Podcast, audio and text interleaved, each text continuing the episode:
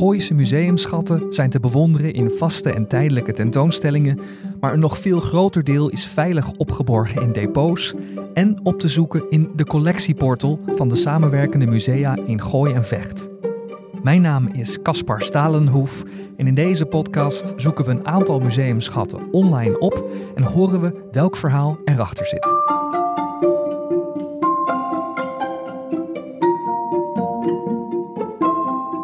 19 februari 1772 start de bouw van het nieuwe stadhuis van Weesp. Volgens een journalist ter plaatse wordt de eerste steenlegging gevierd met lofzangen, een gestadig geluid van waldhoorns en een grote toevloed aan toeschouwers. Vier jaar later is het af en heeft Weesp, een stad van amper 3000 inwoners, een groot en statig stadhuis, ontworpen door een vooruitstrevende architect uit Amsterdam. Hoe kreeg het kleine Weesp dat voor elkaar?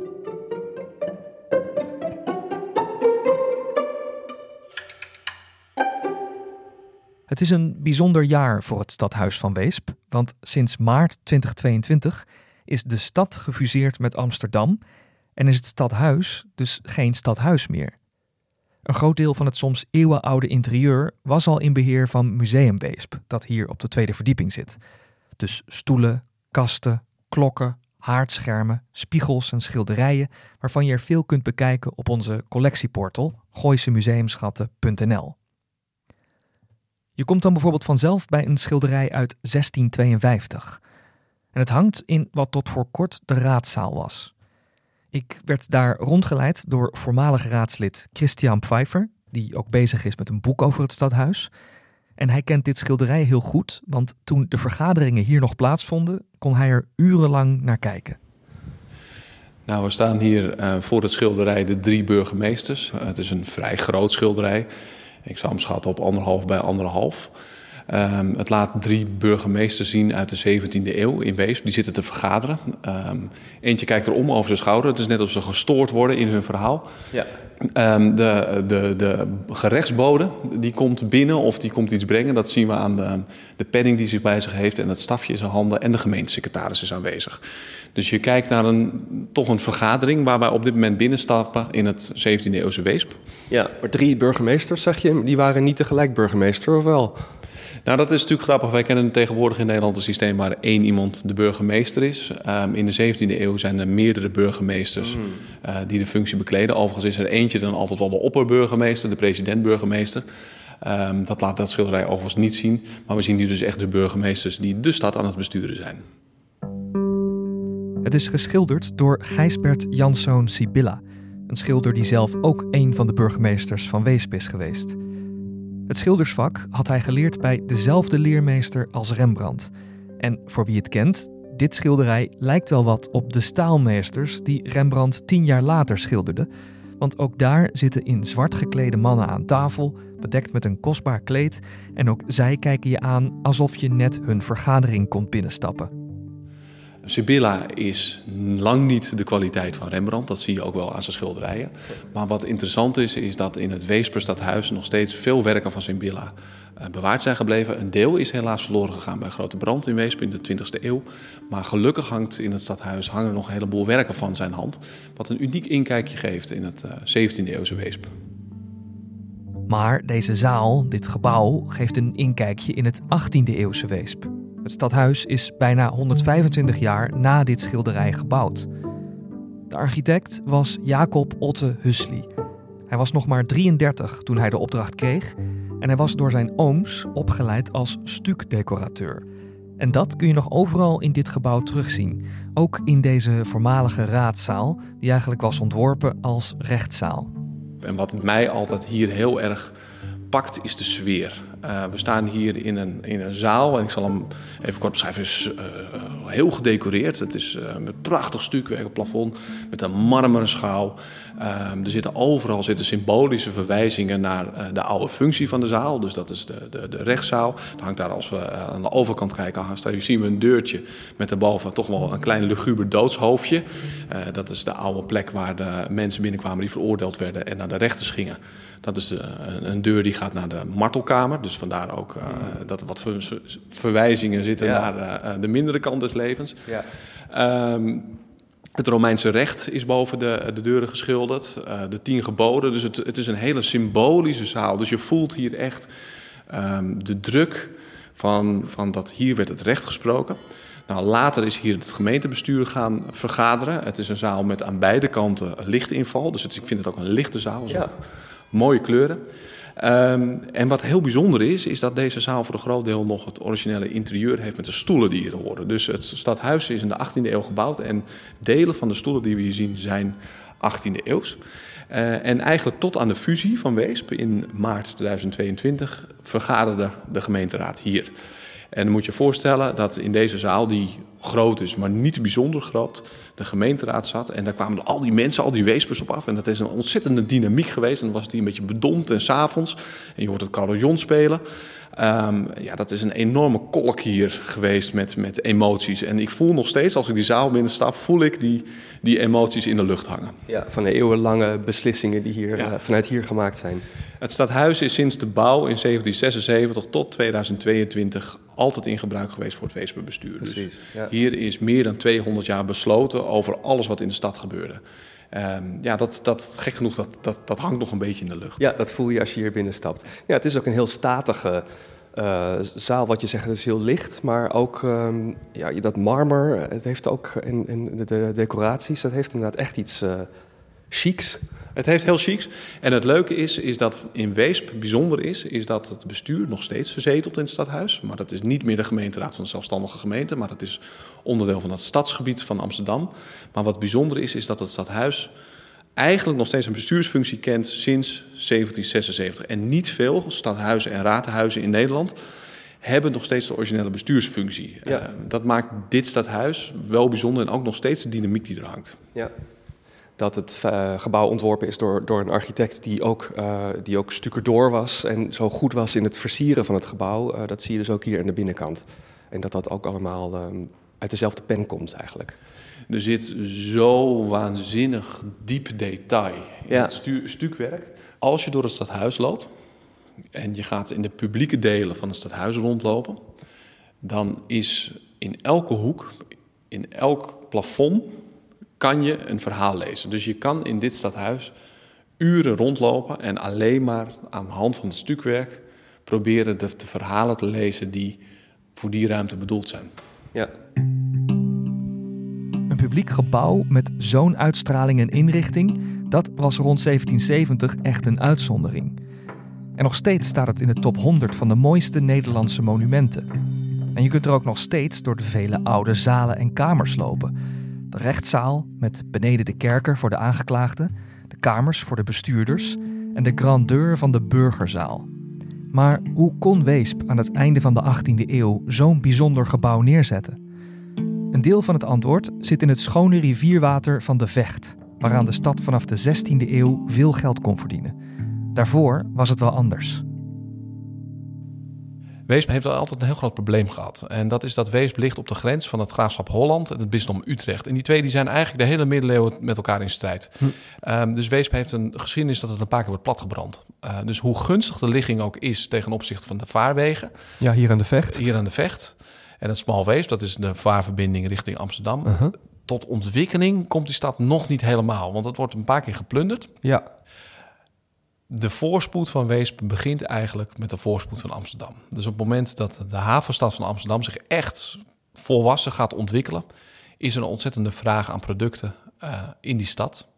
En Weesp heeft hier het schone vechtwater. Dus de vecht is een zijtak van de rivier de Rijn. Mm -hmm. Dus dan komt schoon water komt uit Duitsland binnen.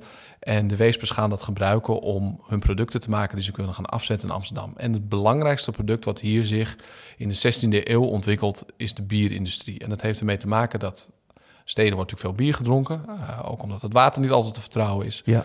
En de biernijverheid is ook een vervuilende business. En in Amsterdam zijn ze niet zo heel erg happig meer op die bierbrouwerijen die zich daar gaan vestigen.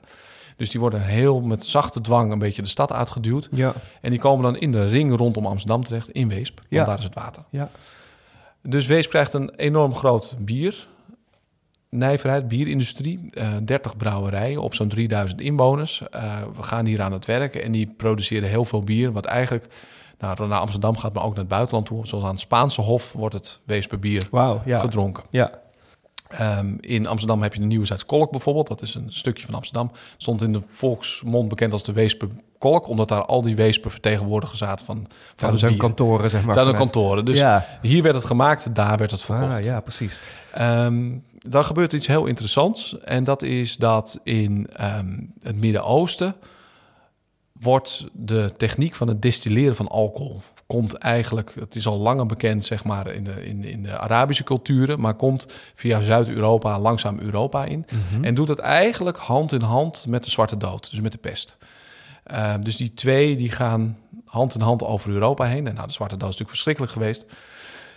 Maar de middeleeuwers, of de, er is een soort van idee dat, dat het drinken van sterke alcohol, want dat is distilleren, het maken van sterke alcohol, dat dat eh, een medicijn zou kunnen zijn tegen die zwarte dood. Dus tegelijkertijd met die pestgolf die Ja. door Europa gaat, eh, zie je dat er een enorme vraag komt naar sterke drank. En in Nederland ontwikkelen we daarmee de jeneverindustrie. Dat is eigenlijk een destillaat, dus een eh, onttrekking van hogere alcoholen uit bier. Want we hebben op dat moment in Nederland heel veel graan en heel veel bier voorhanden.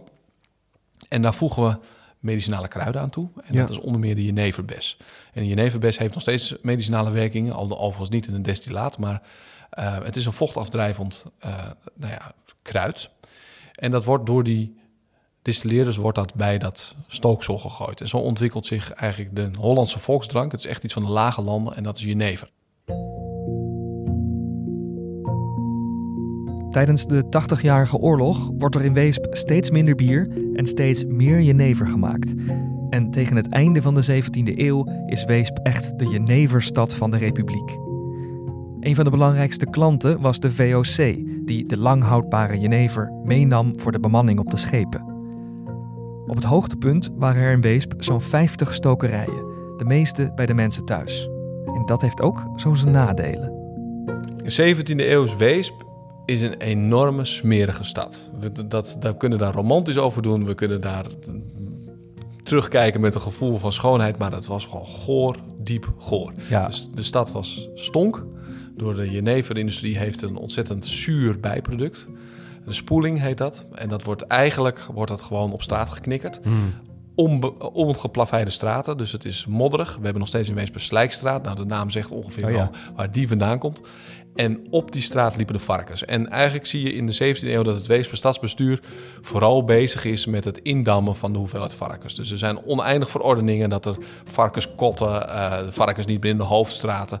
En er wordt wel eens geschat dat op elke Weesper tien varkens rondliepen. Ja, precies. En waarom wordt dat gedaan? Omdat de varkens, die zijn ook een mooie bijverdiensten, want die leveren spek op. En spek gaat ook weer mee gezout en gerookt met de VOC.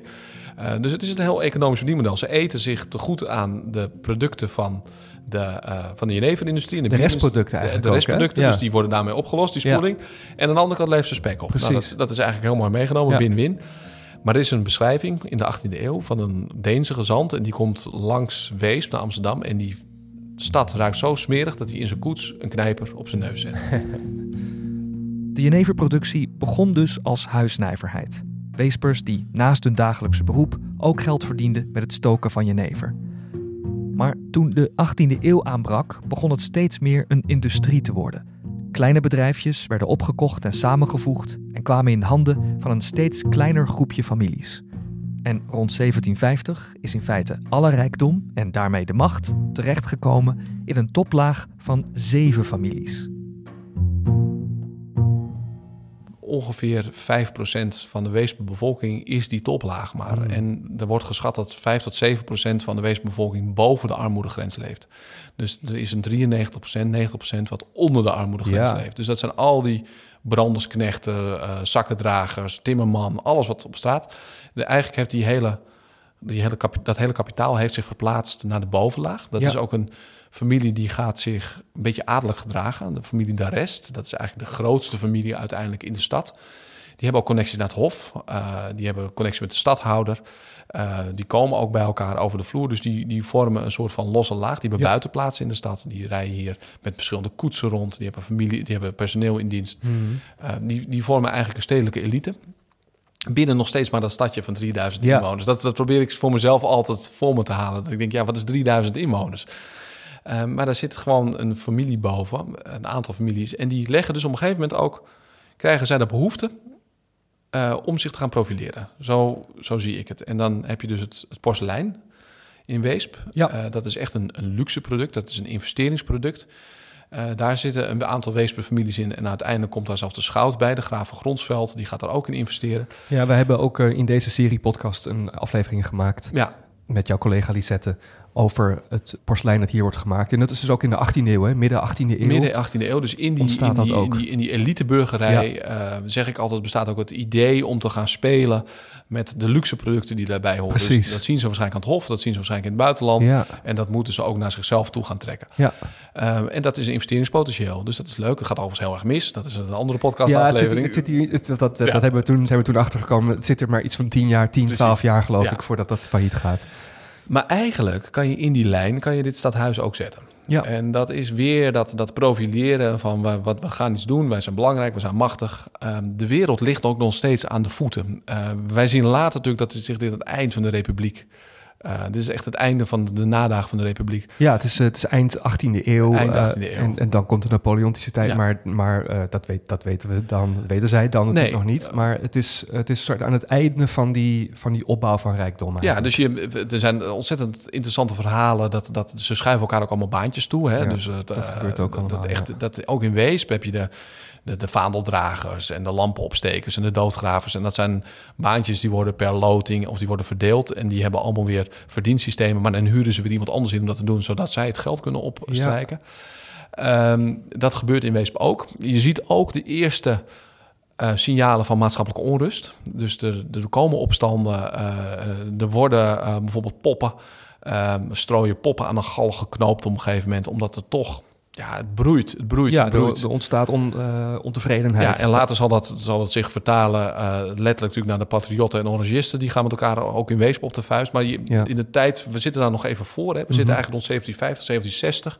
Heb je ook nog die profileringsdrang van die, van die elite. En die denken, ja. wat gaan wij nou doen? Wij gaan onze macht bevestigen. Um, en die gaan dus een ontzettend groot gebouw neerzetten voor hun eigen macht. En dat niet alleen. Het is eigenlijk één familie. De familie Darest, die zo oppermachtig is op dat moment in die tijd. En ik denk ook wel dat zij Weesp wilden laten opstomen in het vaart der volkeren. Dus mm -hmm. als wij maar iets heel moois en groots en moderns neer gaan zetten... Um, dan, dan leggen we daarmee ook de basis voor de komende, nou wat is het, 200 jaar. En die Weesp jeneverindustrie stond op dat moment bijvoorbeeld nog vrij goed voor. Dus dat was echt nog een industrie die vrij goed bloeide en waar zij ook allemaal deel van uitmaakten. Precies, en ook dus de, de rijkdom vandaan haalden. Ja, en het stadhuis, het is niet gebeurd. Maar het stadhuis, zoals dat in 1772 wordt aanbesteed... Mm -hmm. had helemaal gebouwd kunnen worden van het liggende geld van de stad. Dus er was de pot, zeg maar de spaarpot van de stad was meer dan voldoende om dit stadhuis te gaan bouwen. Um, er was gewoon heel veel kapitaal in die families aanwezig. Dat doen ze niet. Ze gaan uiteindelijk gaan ze werken met deels eigen inleg, uh, maar deels ook uh, door middel van obligaties en, en het uitvragen van leningen aan weespers. Ja. Um, maar het, het geeft wel aan hoeveel geld op dat moment in de stad aanwezig is. En dan krijg je dus het mooie, maar ook bizarre feit is dat wij een stadhuis hebben, wat in 1772, 1776 is gebouwd, volstrekt naar het ontwerp zoals dat is ingeleverd door de architect Ott Husley aan het, gemeente, aan het gemeentebestuur op dat moment. Je bedoelt dat er geen concessies in gedaan Nul. zijn in wat hij had bedacht voor de binnen- en buitenkant? Nul. Ja. Dus dat, hoeveel ontwerpen kan je nu ook nog zeggen, hè, in ja. de moderne tijd, worden volstrekt volgens het idee van de architect uitgevoerd. Mm. Er is altijd wel, er moet geschrapt worden of er moet, er moet de bezuinigingspost. Maar Vanwege is, praktische of financiële redenen. Of tijdens de bouw, weet je wel, het Ja. geld raakt op of dat gebeurt. Maar in, in die tijd... Zeg je, omdat er zoveel geld was, konden ze dat gewoon blijven volgen. Ja, en als je dit stadhuis misschien tien jaar later had neergezet... dan zit je al midden in die onrusten tussen de patriotten en de orangisten. Ja. Dan had het misschien nooit meer gepast. Ja. Had je het tien jaar daarvoor neergezet... dan was het niet deze architectuur geweest met deze invloeden. Want dat is voor nu het laatste onderdeel van deze podcast. Weesp heeft na eeuwen op de onrustige grens van Holland en Utrecht voet aan de grond gekregen door de jeneverindustrie. En de rijke elite die daardoor is ontstaan, wil een stadhuis. En dan wel één waarmee Weesp kan laten zien hoe bij de tijd ze zijn. Zoals gezegd gaat de opdracht naar de 33-jarige Jacob Otte Husley, die de tijdgeest perfect lijkt aan te voelen. Door de ontwikkeling van de wetenschappen en het verlichtingsdenken in deze 18e eeuw wordt er in de kunsten ook weer teruggegrepen op klassieke vormen en kennis. En Otto Huxley weet dat. Hij heeft het in Parijs met eigen ogen zien gebeuren. En hij heeft in Amsterdam met een groep collega's een nieuwe academie opgericht, de voorloper van de huidige Rijksacademie. Maar dat teruggrijpen op klassieke vormen gebeurde 150 jaar eerder ook al, toen bijvoorbeeld het stadhuis van Amsterdam werd gebouwd, nu het Paleis op de Dam. Otto Huxley is daarvoor het stadhuis van Weesp zeker door geïnspireerd, wat je vooral goed kunt zien als je buiten staat. Het Weesperstadhuis is gebouwd in de, nou ja, de neoclassicistische stijl, architectuurstijl. En dat is eigenlijk een verwijzing naar het klassicisme. En dat is een stroming die in de 17e eeuw heel erg ehm, populair was. Dat is een stroming die dus in de, de toptijd van de Nederlandse Republiek heel veel gebruikt werd voor openbare gebouwen. Een stroming die verwijst weer naar de Griekse en Romeinen, dus een tempelvorming. Dat is een tijdje uit geweest. En dit gebouw, 100 jaar, ruim 100 jaar na het Paleis op de Dam, is weer een verwijzing naar die stijl. En ik zeg altijd, dat is een beetje de behoefte van de 18e eeuwse bestuurder om weer terug te gaan naar die 17e eeuw waarin de republiek zo machtig was. En met terugwerkende kracht kunnen we zeggen, de, de republiek uh, van de Verenigde Nederlanden liep op zijn laatste benen. Wisten we toen nog niet, hè? toen we dat bouwen, dat wisten ze nog niet. Maar ze willen wel heel graag terug waarschijnlijk naar die tijd waarin het allemaal zo goed ging. Um, en dit stadhuis is een zeer vroeg voorbeeld van die architectuurstroming. En die komt eigenlijk pas 50 jaar later na Napoleon weer helemaal terug. Maar hier zie je al die architectuurstroming ontstaan. En dat maakt het stadhuis zeer bijzonder. Aan de buitenkant is het stadhuis soberder dan aan de binnenkant. Dus aan de buitenkant is het echt al wat we een beetje noemen de strakke stijl. Dus hij heeft wat strak neergezet. Ja. Uh, de binnenkant is wat meer rococo-barok. Um, er zit wat meer zwierigheid in. Um, en dat is ook een beetje een rare mix tussen de buiten- en binnenkant. Ook vanwege die tijd, omdat het architectonisch qua stijlen ook nog een beetje in die, in die tussen... Het, het ging de kant op van het meer klassieke soberder. Hè? Ja, de binnenkant is um, inderdaad wat meer barok, rococo, Lodewijk-stijlen. Um, dus dat is kunsthistorisch vrij correct voor die tijd. Terwijl de buitenkant gaat al inderdaad naar de strakke klassicisme, neoclassicisme van de 19e eeuw. Jacob Otte Hussely kreeg nog tijdens de bouw van dit stadhuis de opdracht om ook het nieuwe stadhuis te ontwerpen voor de stad Groningen. De bouw daarvan liep vertraging op, waardoor het pas na Otte Hussely's dood voltooid is. In de tussentijd werd wel een ander gebouw naar zijn ontwerp afgebouwd, Felix Meritus in Amsterdam. Drie gebouwen dus, in Weesp, Amsterdam en Groningen, waarmee Otto Huxley een voorloper bleek in het neoclassicisme dat nog decennia in de mode zou blijven. Met hemzelf ging het niet zo goed. Hij werd ziek, moest stoppen met werken en overleed in 1796 op 57-jarige leeftijd. En Weesp, Qua jeneverproductie ging de stad het afleggen tegen Schiedam. En de grote armoede bleef tot de komst van Van Houten, wiens chocoladefabriek in 1850 verhuisde van Amsterdam naar Weesp, wat voor enorme werkgelegenheid zorgde. Daarover kun je ook een van onze vorige podcastafleveringen luisteren. En voor het stadhuis, een voor Weesp dat al sinds 1355 stadsrechten heeft, begon dit jaar een nieuw tijdperk door de fusie met Amsterdam. Dus in 2022 is de gemeente opgeheven. En dat is, we kunnen daar heel luchtig over doen. We kunnen zeggen dat we het allemaal heel erg goed vinden, dat het nodig was. Maar als je de geschiedenis van Weesp kijkt, dan is dat de directe lijn vanaf 1355. Dan, Weesp heeft zijn eigen recht op bestuur verloren. Ja, het is niet niks. Het is niet niks. Dus het wordt nog wel gebruikt, bestuurlijk. Maar er zitten nog ambtenaren hier. Er, zit, dus zitten nog ambtenaren. Maar het centrum van de macht is het niet meer. Want dat is het wel voor al die jaren geweest. Wat er nu met het stadhuis gaan zien, is dat het weer in een tijd staat van voorspoed. Dus Weesp heeft na de bouw van het stadhuis een tijd van tegenspoed gekend. En is in de afgelopen decennia in een tijd van voorspoed terechtgekomen. Weer door Amsterdam. Dus de historische parallel blijft gewoon die parallel. Hm. De vraag is alleen, en dat weet natuurlijk niemand, wat de toekomst gaat brengen. Ehm, we willen allemaal dat het stadhuis van de stad blijft, zoals het de naam suggereert. Ja, het stadhuis wat geen stadhuis meer is. Nee, maar het is ook nooit een gemeentehuis geweest. Het is nooit een raadshuis geweest. Het is in Weesp altijd het stadhuis geweest. Dus in mhm. dat opzicht zal het die functie niet veranderen. Ehm, het zal ook nog wel blijven als trouwlocatie. Uh, het is heel belangrijk dat het museum er zit, uh, de museale functies van het stadhuis. Maar het is ook dat er nog steeds vergaderd wordt door een gremia die de stad vertegenwoordigt. Maar het is niet meer een gemeenteraad. Dus wat heel interessant zal worden voor de komende twee, drie, vier, tien jaar, is wat gaat er met dit monumentale gebouw gebeuren. En in de zin van de bescherming maak ik me geen zorgen. Dus het, het, het blijft een rijksmonument, het blijft een topmonument. Uh, dat hangt er fantastisch, dat is allemaal museaal goed geborgd. Maar het gaat nu om wat is de beleving? Wat is de intrinsieke waarde van een stadhuis? En hoe gaan wij dit? Het is een beetje filosofisch bijna. Ga je het benaderen? Wat is de geest van een stadhuis? En hoe zal ze dat gaan vatten in de moderne tijd? Ik zou zeggen, kom langs, want in het nog altijd kleinschalige centrum van Weesp steekt dat stadhuis naast de grote kerk nog altijd boven de rest van de gebouwen uit. Met zijn strakke natuurstenen gevel aan de buitenkant en de uitgebreide versieringen aan de binnenkant. Hier komt 250 jaar geschiedenis samen en dat voel je als je er rondloopt. Museum Weesp op de bovenste verdieping is geopend van woensdag tot en met zondag in de middag. Er zijn vaste tentoonstellingen over het Weesper porselein, de chocola van Van Houten en de stad aan de vecht door de ogen van kunstenaars. Gooise Museumschatten is er weer over drie weken. Je kunt de volgende en alle voorgaande afleveringen beluisteren via Spotify, Apple Podcasts en alle andere podcast-apps. Klik daarin op volgen, zodat je vanzelf ziet wanneer er een nieuwe aflevering beschikbaar is. Mijn naam is Caspar Stalenhoef en ik sprak in deze aflevering met Christian Pfeiffer. De podcast Gooise Museumschatten is een programma van regioconservator Laura Grijns en wordt mede mogelijk gemaakt met steun van de provincie Noord-Holland.